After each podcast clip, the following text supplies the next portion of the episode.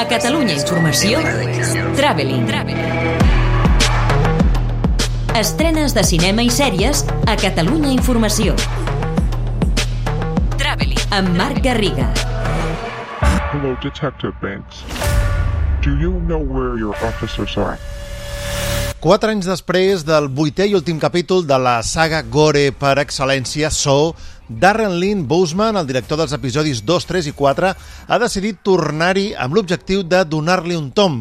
La idea de Spiral sobre el paper era bona, a una saga amb un grup ampli de seguidors que ja té una marca feta, li sumes un repartiment amb estrelles que, tot i estar una mica en hores baixes, poden aportar un públic renovat, però l'experiment no ha donat el resultat esperat i s'ha quedat a mig camí de tot. Ni satisfà els fans perquè és més tova del que els agradaria, ni acull aquest nou públic perquè és un dels films més poc aconseguits de l'any, amb un guió pèssim, una posada en escena maldestra, un Chris Rock insufrible i un Samuel L. Jackson que passa com un fantasma sense ganes d'implicar-s'hi gaire. Seria una llàstima que la saga acabés aquí i així, però això ja no ho aixeca ningú. Hola, amigos. Bienvenidos a Manu Unboxing. Rubius, este tiene 40 millones de seguidores. Dos films espanyols antitètics també arriben a la cartellera. El primer, Poliamor para principiantes, és la nova comèdia de Fernando Colomo. Yo siempre he intentado eh, expresarme a través del humor.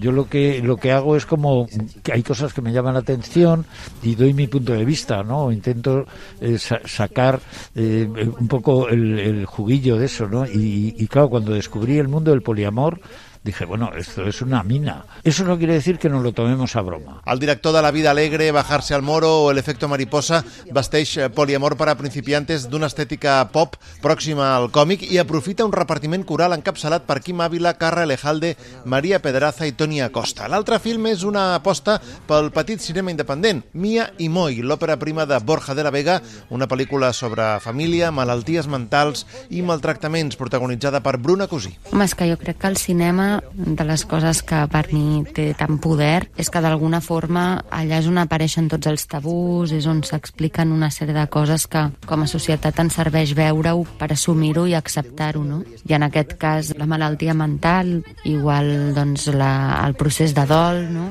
Estan exposades a Mia i Moi i que espero que pugui tenir com un ressò en el sentit de normalitzar-ho. What's your name? King Lou. Call me Cookie. First Cow arriba amb l'aureola de ser una de les millors pel·lícules del 2020, avalada per la National Board of Review, les associacions de crítics de Nova York, Chicago i Boston i els Independent Spirit Awards, un western minimalista sobre l'amistat al Far West del 1820, un cuiner i un xinès que no encaixen en aquell món i que decideixen compartir sort, aventures i desventures. Un film que transcorre sense pressa, allunyant-se del gènere en diversos moments, que perd el ritme en alguns instants, però que acaba conformant un retrat rotund i alhora preciós del pitjor del capitalisme.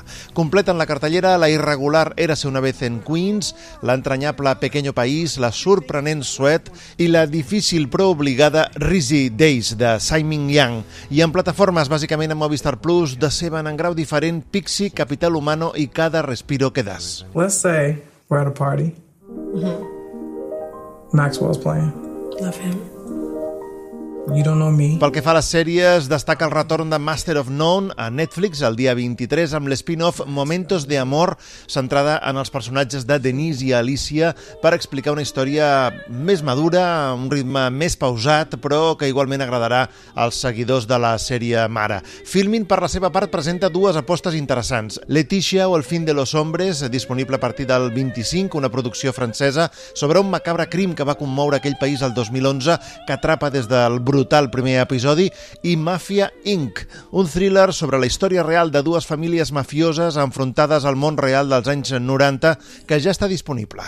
Movistar Plus estrena el dia 24 Buscar-se la vida en Brooklyn, on dos còmics nord-americans interpreten unes versions ficcionades de si mateixos com a millennials en un barri marginal i alhora indi que els fa sentir completament fora de lloc, i per acabar Disney Plus ofereix la divertidíssima Modoc, un exemple de com l'univers Marvel pot anar molt més enllà del que coneixem. Aquí es tracta d'una sèrie d'animació sobre aquest malvat de cap gros que podria semblar una autoparòdia però que acaba sent una producció intel·ligent, sorprenent i altament irreverent. Traveling. Estrenes de cinema i sèries a Catalunya Informació. amb Marc Garriga. Then I say yes now.